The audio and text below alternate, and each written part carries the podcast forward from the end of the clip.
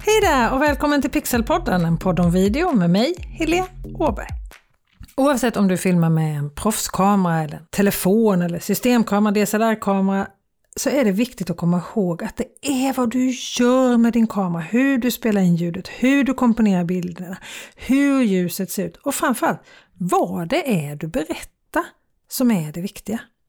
Mitt tips för att enkelt komma igång med video till sociala medier är att använda den inbyggda kameraappen i din telefon. I alla fall till dess att allt det här med bildkomposition och allt det som har med video att göra sitter i ryggmärgen. Sen kan du gå vidare och använda någon av de mer avancerade apparna i telefonen som till exempel Movie Pro eller Filmic Pro till din iPhone eller Open Camera om du använder en Android-telefon. Eller så kan du ju förstås gå vidare och använda en mer avancerad kamera då, som systemkameran till exempel. Oavsett om du filmar med en mer avancerad app i telefonen eller med en systemkamera så finns det ju såklart några begrepp som kan vara bra att känna till. Och i dagens avsnitt här i Pixelpodden, en podd om video, så tänkte jag gå igenom de absolut viktigaste. Och det här avsnittet det har faktiskt kommit till på grund av att Annette och Tony har önskat att jag ska prata mer om att filma med en systemkamera här i Pixelpodden, en podd om video. Vill du, precis som Anette och Tony, önska vad jag ska prata om här i Pixelpodden så gör det. Och om du vill önska vad jag ska ta upp här i Pixelpodden, en podd om video, så gå med i Facebookgruppen Pixelpodden, en podd om video och önska vad du vill att jag ska prata om här. För det är ju för dig som lyssnar som jag gör den här podden så jag tar ju förstås självklart jättegärna upp de ämnena som du vill höra när det kommer till video. Det första av de här begreppen som jag tänkte prata om idag, det är upplösning, det vill säga hur bra kvalitet du filmar i. En bild har ett visst antal pixlar och det är det här antalet som avgör hur bra kvalitet bilden har. När man pratar om HD så menar man att man har 1280 80 gånger 720 pixlar. Så om vi tar en liggande video, alltså videon är bredare än vad den är hög, så är det här formatet på bilden. Den har 1280 horisontella pixlar och 720 vertikala. Alltså bilden är uppbyggd av så många prickar kan man säga. Och det är också därför som HD kallas för 720 ibland eftersom det vertikala antalet på en liggande video då är 720. Så 720 eller HD. Full HD, det har 1920 gånger 1080 pixlar. Så det är ju ganska många mer. Om man gångar det här antalet så blir det ju ganska mycket bättre kvalitet och det kallas då för 1080 eller full HD. Och så finns det det som kallas för 4K eller Ultra HD. Det är en riktigt skarp bild. Alltså då har vi 3840 pixlar gånger 2160. Alltså otroligt många. Och egentligen finns det en liten definitionsskillnad i antalet pixlar mellan 4K och Ultra HD. Men den är så liten så att 4K och Ultra HD har liksom mer eller mindre blivit samma begrepp för väldigt många. Och vilket ska man då välja? HD? Full HD? Ultra HD? Det finns väldigt många som säger att du ska alltid filma med det bästa du kan. Alltså filma med den bästa upplösningen du kan göra med din kamera. Men det tar ju också väldigt mycket plats. Och allt handlar ju om var och hur ska du använda ditt material? Har du en tekniskt kräsen målgrupp som sitter på fiberuppkoppling och tittar på Youtube till exempel, om det är där du ska posta ditt material i slutändan, då skulle jag definitivt filma i 4K. Men om du istället ska göra stories till Instagram för gemene man, då kanske du ska filma i full HD eller till och med HD. Så att allt handlar om hur du ska använda din video. Visst är det bra att filma i hög kvalitet, du kan kanske till och med beskära bilden lite och sådär i efterhand om du vill det och ska posta det sen i lägre kvalitet. Men det tar ju som sagt också väldigt mycket plats. Dels tar det mycket plats på minneskortet i själva kameran eller i telefonen om du använder den. Men det tar ju också väldigt mycket plats när du ska lagra det här materialet sen, om du ska spara det och använda det vid ett annat tillfälle. Ja, jag brukar inte filma i 4K om jag inte ska använda det på någon anledning. Antingen zooma i materialet eller om jag verkligen ska posta någonting i så stor upplösning. Men jag filmar sällan i lägre kvalitet än 1080. Och för att göra det här ännu mer komplicerat så finns det dessutom någonting som heter bitrate. Och det hör ihop med upplösningen. Många gånger så får du en given bitrate beroende på vilken upplösning du väljer. Bitrate, det är den mängd data som samlas in per sekund av din video. Ju högre bitrate, ju bättre kvalitet. Desto större fil och ju mer plats tar din videofilm. Och det här blir ju ett problem, eller en utmaning i alla fall. All denna lagring som behövs för video. Det här mäts, alltså bitrate mäts i mbps, alltså megabits per sekund. Och sen kodas det här olika i olika kameror, så det är inte ens så enkelt att det alltid är bättre kvalitet med 50 megabits än med 30 megabits. För beroende på hur kameran kodar materialet sen så kan en 30 megabits video vara bättre kvalitet än en 50 megabits video i en annan kamera.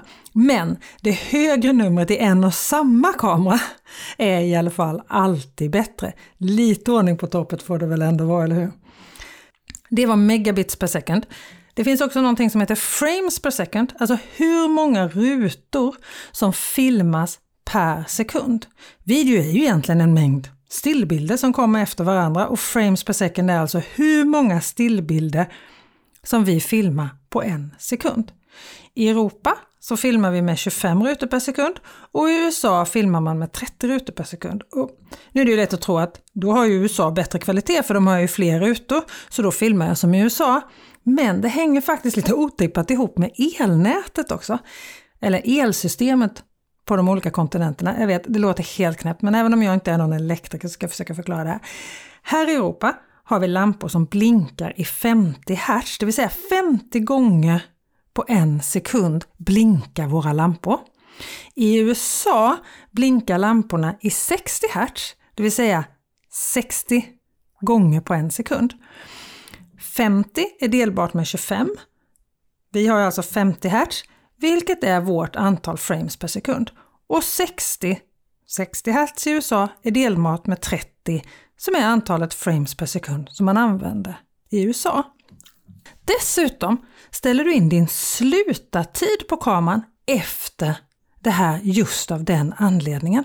För vi vill ha samma slutartider som hertztalet, eller slutartiden ska i alla fall gå att multiplicera med hertztalet. Slutartiden, det är den tid som dörren är öppen, alltså hur mycket ljus vi släpper in till kamerasensorn. Hur snabbt slutaren i linsen öppnas och stängs på en sekund. Så om lamporna då i USA blinkar i 60 Hz, så när man är i USA så vill man filma med en slutartid på 1 genom 60 eller något som är gångbart med det, så 1 genom 120 funkar ju också då. Här i Europa vill vi därför ställa in vår slutartid på kameran när vi filmar i 1 genom 50 eller något som är gångbart med det, som till exempel 1 genom 100 funkar ju då också.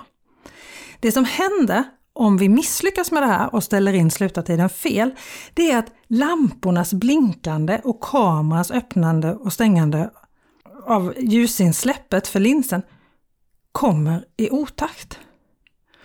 Och då upplever man att ljuset flickrar och blinka. Men om då ljusinsläppets dörr öppnas och stängs i samma tempo eller samma rytm som lamporna blinkar så kommer vi inte se det här blinket.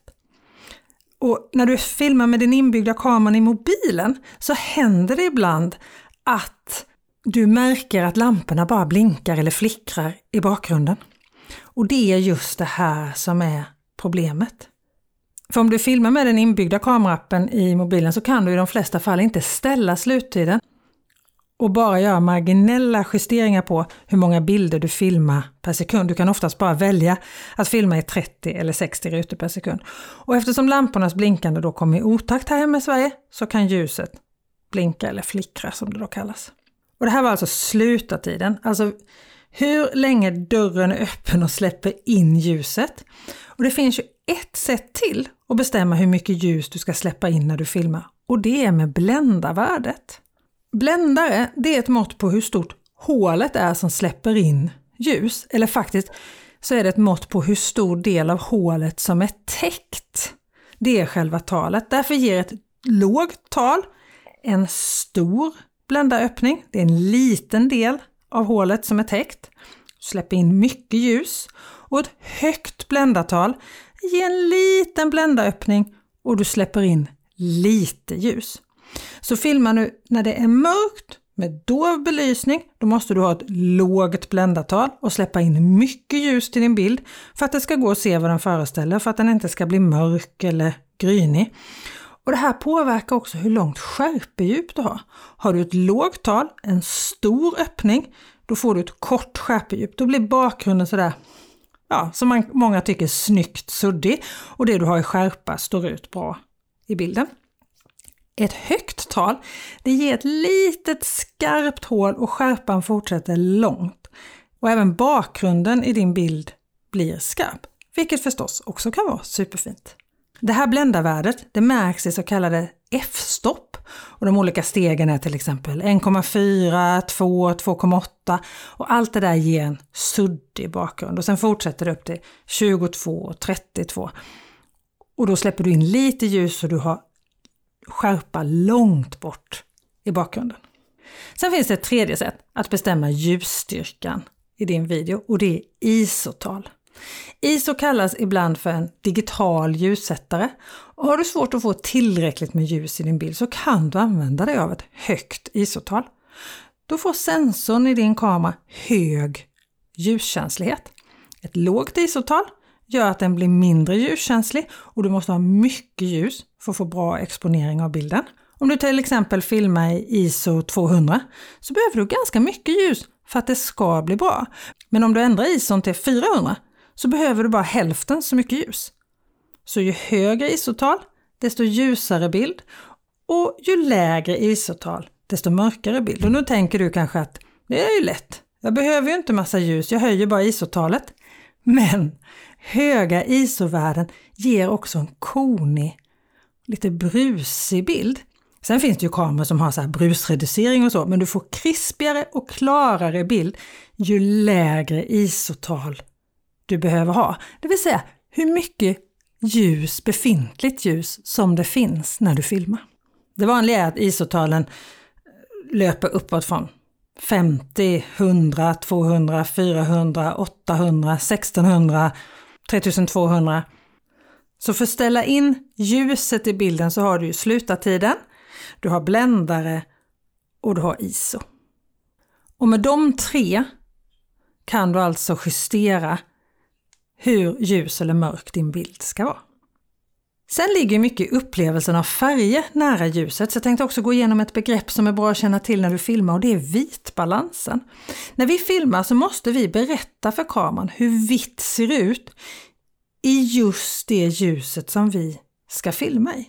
Olika ljus har nämligen helt olika färgtemperaturer och den här färgtemperaturen den mäts i någonting som kallas Kelvingrader. Utomhus en solig dag är det väldigt blått ljus och då kan Kelvingraderna vara runt 10 000.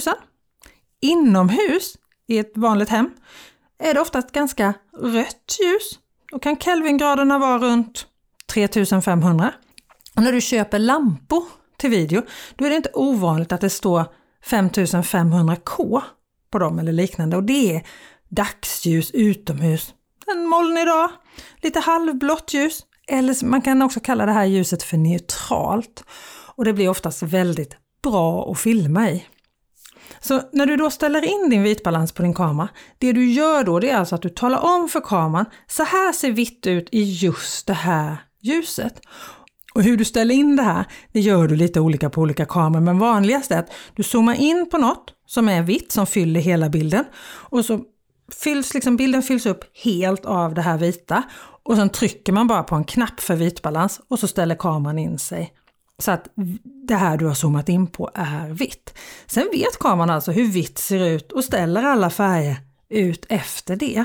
Och många kameror gör det här riktigt bra på den automatiska vitbalansen och det brukar stå AWB för den automatiska vitbalansen.